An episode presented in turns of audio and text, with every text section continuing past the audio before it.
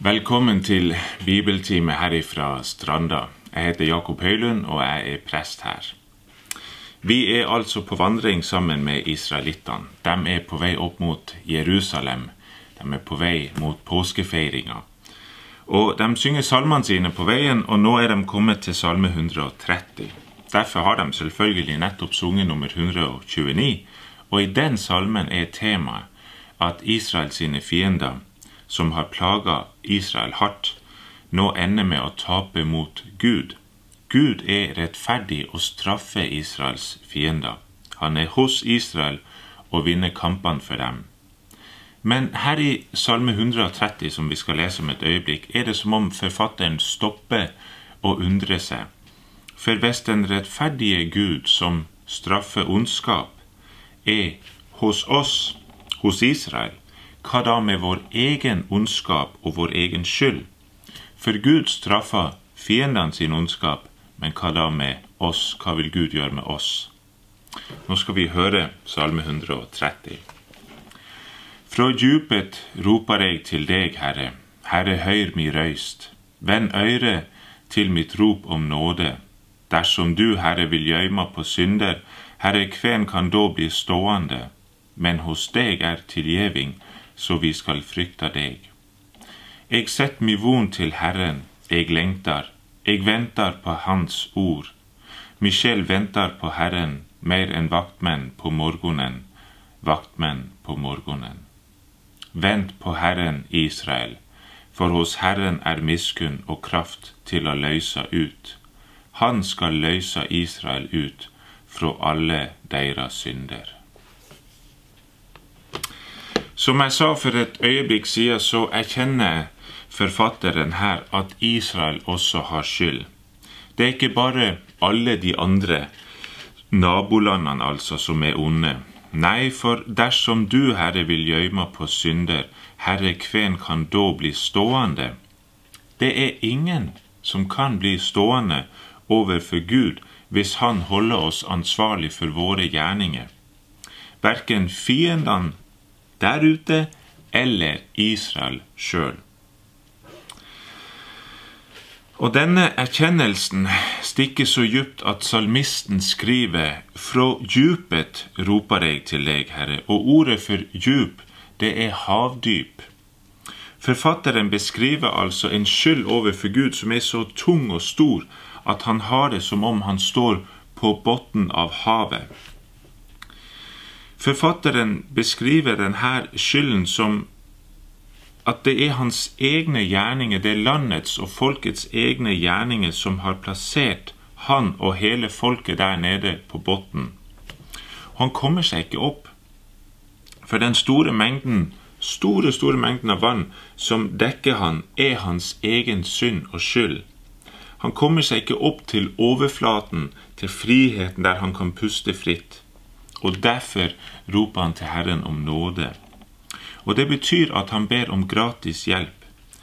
Dette er ikke en handelsavtale der han sitter nede fra bunnen og prøver å forhandle med Gud. Nei, han ber om at Gud vil gi han gratis hjelp uten at han kan gi noe tilbake. Han ber om redning gratis. Men han og folket må vente. Hjelpen kommer ikke med en gang. Det ser vi i vers 5. I vers 5 kan vi se at han lengter etter Guds ord som skal frelse han, men som sagt, han må fortsatt vente. Og da bruker han bildet av vaktmenn som går rundt i mørket og passer på byen. Vi ser det her i vers 6, vaktmennene som venter på morgenen. De går rundt og passer på byen og venter på at sola skal stå opp. For da begynner dagen, og da er det ingen fare for dem mer. Og derfor lengter de etter at sola skal stå opp. De venter på morgenen og på friheten. Og det blir jo gjentatt, altså mer enn vaktmenn på morgenen, vaktmenn på morgenen. Og da skjønner vi at denne morgenen som skal gi dem frihet, den venter, den drøyer med å komme. Og det er som om Guds ord som skal dra han opp fra havdypet og redde ham, eller sola som skal komme, at det bare venter og drøyer. Som det står, eg lengtar, mi sjel ventar. Herre, høyr mi røyst, vend øyre til mitt rop om nåde. Jeg kan for min del, sånn helt personlig, også oppleve det litt på samme måte som forfatteren, og kanskje også du. Altså, i møte med Gud i mitt eget liv ser jeg noen ganger min egen synd, av og til veldig tydelig. Jeg ser at det ikke bare er alle de andre som er dumme og egoistiske. Jeg ser at egoismen også har tak i meg. At den også får meg til å glemme andre eller tale andre ned. Eller at jeg bare har litt for mye fokus på meg sjøl sånn helt generelt. Og da kan jeg få et sterkt behov for å høre Guds ord om Hans nåde og tilgivelse. Et ord som kan ta skylden ifra meg og sette meg fri. Men noen ganger kommer ikke det ordet som skal gjøre det, det kommer ikke med en gang. Kanskje leser jeg i Bibelen, men ordene kommer liksom ikke ordentlig inn. De får ikke rense min samvittighet eller jeg hører forkynnelse i kirka eller andre plasser, men heller ikke her når ordene inn og setter meg fri. Da kan det være en opplevelse av virkelig i lang tid å smake min egen skyld. Da venter jeg, og jeg lengter etter at Gud vil komme og fri meg ut, for en dårlig samvittighet kan være en veldig tung byrde å bære. Jeg husker en gang når jeg var barn, kanskje 11 eller 12 år. Mamma og pappa hadde noen vinglass stående hjemme, og et par av dem var ekstra fine, sånn litt kunstneriske.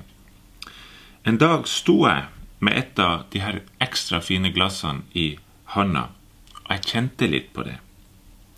Jeg undra over hvor skrøpelig det var.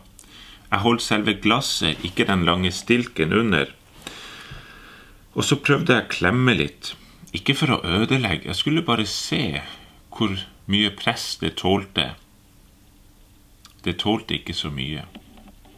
Glasset knustes, og jeg sto og så ned på skårene på gulvet. Og da merka jeg skylden og den dårlige samvittigheten med en gang. Jeg tenkte hva jeg skal gjøre nå, hva jeg skal stille opp med det her. Kan jeg skjule det? Kan jeg flykte ifra det? Det verste var kanskje entydigheten i det som hadde skjedd. Det var jeg, og kun jeg, som hadde handla. Jeg brukte å ha ja, ikke så dårlig samvittighet hvis det f.eks. var litt konflikt med lillebroren min. Vi hadde kjefta på hverandre, kanskje knuffa litt og sparka og slått litt. Eller ja, vi var jo gutter. Og eh, når mamma og pappa da kom, så kunne jeg alltid si nei, men det var han som begynte. ikke sant? Jeg synes ikke jeg, det, det, var ikke min skyld. Nei da, det var liksom, det var hans skyld. Jeg hadde slått litt, ja da, men det var jo ikke meg som begynte. Nei. Problemet her med vinglasset var at det var ingen andre. Det var bare meg. Pilen pekte entydig på meg, og jeg visste det. Hva som skjedde videre, det skal vi vende tilbake til. Vi, vi lar den henge i lufta en, stund. For vi skal bare ta opp en annen tanke eller et annet aspekt ved det her med å rope til Herren og vente. For hvis du nå tenker om ikke det også kan være annet enn min egen skyld som jeg venter på å bli satt fri fra, så jo, det kan det. Vi kan ha mange andre ting i livet der vi venter på Guds hjelp. Ting som ikke handler om vår egen synd og skyld. Vi kan f.eks. vente på Guds hjelp i forhold til barna våre som kanskje har problemer på skolen eller jobben, eller vi trenger Guds hjelp i forhold til sykdom, dårlig helse, stress, depresjon, andre ting. Og Det er alvorlige saker. Så jo, vi kan nevne utrolig mange situasjoner der vi venter på Gud uten at det er vi som har gjort det som er vanskelig. Men her i Salme 130 handler det spesifikt om å vente på Guds tilgivelse for vår egen synd. Her er det mennesket sjøl som har ansvaret for nøden. Og den utfordringen har vi alle sammen i en eller annen grad. eller faktisk i veldig stor grad. Vi har alle vår egen skyld, uansett at det fins andre utfordringer i livet vårt som vi ikke har ansvaret for. Det er bare slik at de, de utfordringene er ikke tema i denne salmen. Vår egen skyld har vi altså, og derfor roper vi til Herren fra bunnen av havet, fra havdypet, og vi venter på Han. Og kanskje venter vi lenge, men vi venter ikke forgjeves, for som det står her, for hos Herren er miskunn og kraft til å løse ut.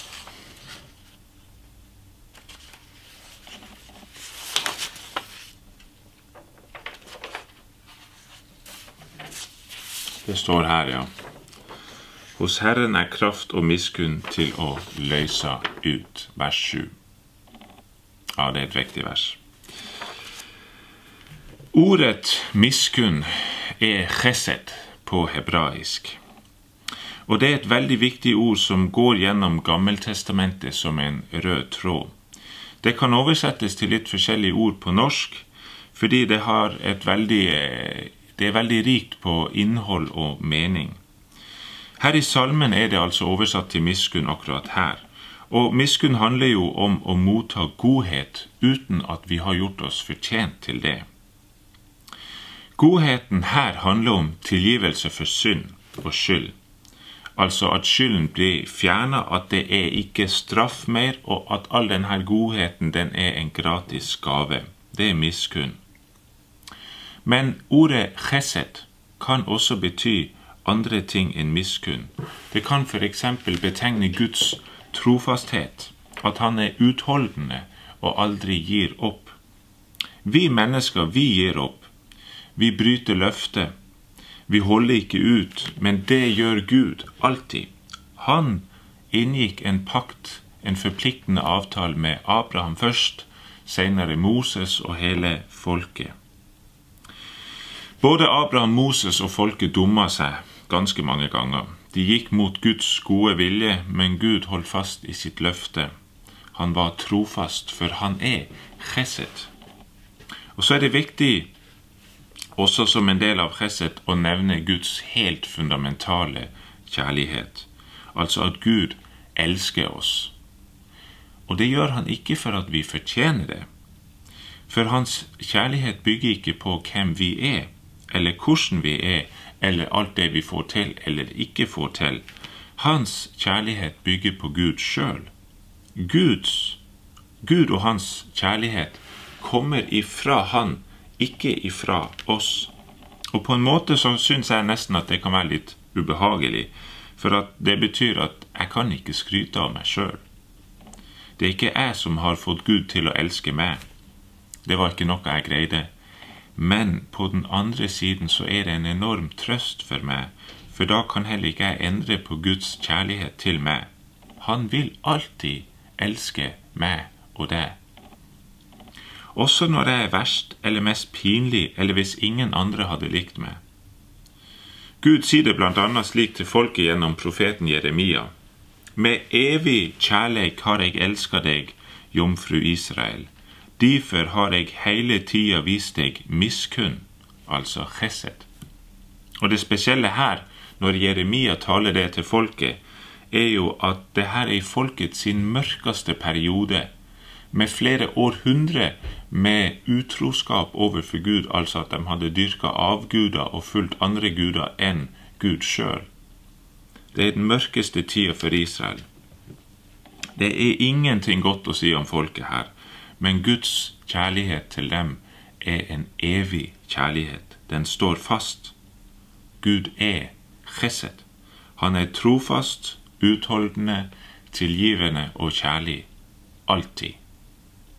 Og Derfor er det aldri forgjeves å rope til Herren om nåde, for i sin trofaste kjærlighet vil Han vise oss nåde og tilgi synden, så all skyld og straff fjernes. Og så husker dere kanskje gutten på 11-12 år. Den historien som hang i lufta. Nå tar vi den inn igjen her. Gutten som hadde knust et vinglass for jeg sto der og så ned på glasskårene på gulvet. Og så bestemte jeg meg for å gå til mamma og si det som hadde skjedd. Jeg gjorde det i en blanding av frykt og håp. Frykt for at mamma skulle bli sint på meg for at jeg hadde gjort noe dumt, tankeløst osv., men også i håp om å få det hele sagt, bare få det ut, og kanskje bli frikjent, altså få tilgivelse. Så jeg gikk til mamma med tunge skritt. Og når jeg fortalte henne om det, begynte jeg også å gråte. Det var veldig pinlig. Men hun så på meg, og så sa hun sånn cirka, ikke sant, jeg husker ikke helt presis, men cirka Takk for at du sier det, Jakob. Det er jeg glad for. Og nå skal ikke du tenke mer på det. Det er ute av verden. La oss gå bort og finne kost, og så feier vi glasskårene bort. Bort med dem. Bort med skyld. Og hun sa ikke det siste, da, men det var liksom det som lå i det. Skylden er ute. Det er fjerna. Du er tilgitt. Det mamma gjorde med meg der, det var chesed. Slik er det å bli møtt av miskunn, av nåde og gratis godhet. Hele byrden fra skuldrene mine, som var ganske stor og tung der og da, den ble fjerna den dårlige samvittigheten var borte. Mamma hadde tilgitt meg. Det var ingen straff og ingen vrede. Jeg hadde gitt henne min innrømmelse. Hun ga meg nåde, tilgivelse, og vi kunne være sammen uten skår i gleden. Salmen her, 130, beskriver den situasjonen utrolig fint når, når han sier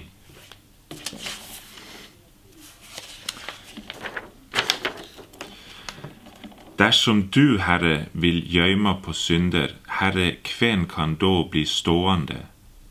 Men hos deg er tilgjeving. Hos deg er tilgjeving. Fantastisk, ikke sant? Tilgivelsen. Men, som dere også ser her Hos deg er tilgiving, så vi skal frykta deg. Hæ? Ikke sant? Det, hvorfor fortsetter den med det? Det syns jeg er litt rart på en måte. For hos deg er tilgiving. Det er fantastisk. Helt vidunderlig. Nåde. Så kommer det så vi skal frykte Gud. Men det høres jo nesten forferdelig ut. Skal vi gå og frykte Gud? Først det fantastiske, og så kommer det fryktelige. Men det her er ikke en fryktelig frykt. Det er ikke en negativ frykt. Dette er faktisk en god frykt. For det handler om at mennesket ikke kan regne tilgivelsen for en selvfølge. Tilgivelsen er ingen rettighet. Vi kan aldri kreve av Gud at han skal tilgi oss, på samme måte som jeg kunne jo ikke gå til mamma etter det med vinglasset og si 'Mamma, jeg har knust vinglasset, nå må du tilgi meg'. Det må du, rett og slett. Selvfølgelig ikke. Jeg kunne gå til mamma og bekjenne det jeg hadde gjort, men jeg kunne ikke kreve tilgivelse. Tilgivelsen er en gave som vi kan ta imot i takknemlighet, og som er knytta sammen med en ærlig synsbekjennelse. Hvis et menneske ikke erkjenner sitt behov for tilgivelse, da vil det slett ikke be en ærlig bønn om tilgivelse da frykter ikke det mennesket Gud. Og da får ikke vedkommende tilgivelse heller. Rett og slett for at det ikke er en bønn om tilgivelse der. Da, da er det heller ingen tilgivelse å få når ikke mennesket ber om det. Men den som erkjenner sin skyld, vil også frykte konsekvensene. Vil frykte den Gud som dømmer skyld. Og Derfor vender han eller hun seg til Gud i håp og bønn om tilgivelse, og vil da motta tilgivelse. Vi ser det også i salmen her. Frykten for Gud får jo ikke salmisten til å løpe sånn skrikende bort ifra Gud. Nei, men derimot å rope til Gud om nåde. Det er den sunne gudsfrykten. Vi kan også kalle det ærefrykt. Det er en god frykt som er nært beslekta med å ha stor respekt. Og det er helt naturlig å ha respekt og ærefrykt for Gud, for han er skaper av universet, av hele livet, av alt som fins. Det er han som er skaper, det er han som er herre over død og liv. Det er han vi roper til. Og da er ærefrykt naturlig og sunt og nesten en selvfølge. Og det beste er jo at Herren over død og liv er chesed. Han er alltid trofast, tilgivende og kjærlig.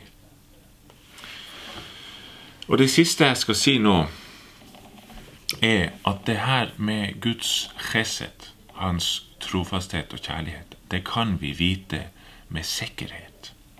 For salmen peker nemlig fram imot en person og en begivenhet, nemlig Kristus sjøl, hans død og oppstandelse. For alt det salmisten han går og venter på her, han lengter, han venter på nåde, ikke sant, på å bli dratt opp ifra bunnen av havet. Det får han i og med Kristus. På en måte så slutter hele ventetida når Jesus kom. Gud hørte ropet vårt om nåde, og han svarte ved å bli menneske. Og all den synd som Gud kunne ha anklaga oss for Oi, han kunne ha anklaga oss for, den ble lagt på Jesus. Han gjemte ikke synden for å anklage oss. Han gjemte synden for å legge den på Jesus. Jesus er derfor også den han er den soloppgangen, den morgenen som vaktmennene venter på. I Jesus er natta over, dagen er kommet, lyset er her, livet er hos oss. Og Guds chesed, hans kjærlighet, nåde, trofasthet, manifesterer seg i Jesus. Jesus er Guds chesed i kjøtt og blod. Det er han som betaler prisen for at vi ikke skal være dødens og syndens og Satans slaver. Ved sin død for oss kjøper han oss fri ifra alt det, slik at vi har samfunn med Gud. Og på den måten så alle de her ordene i Salme 130, alle løftene gjennom hele Gammeltestamentet, de får en vidunderlig oppfyllelse i Jesus. Og da er Guds chesed ikke bare et ord, det er Jesus Kristus sjøl. Vent derfor på Herren for hos Herren er miskunn og kraft til å løse ut. Amen. Og Nå kan jeg anbefale at dere går inn på NRK sin hjemmeside og hører Salme 745 inne på eh, salmeboken Minutt for minutt. Det er episode nummer 27 der inne.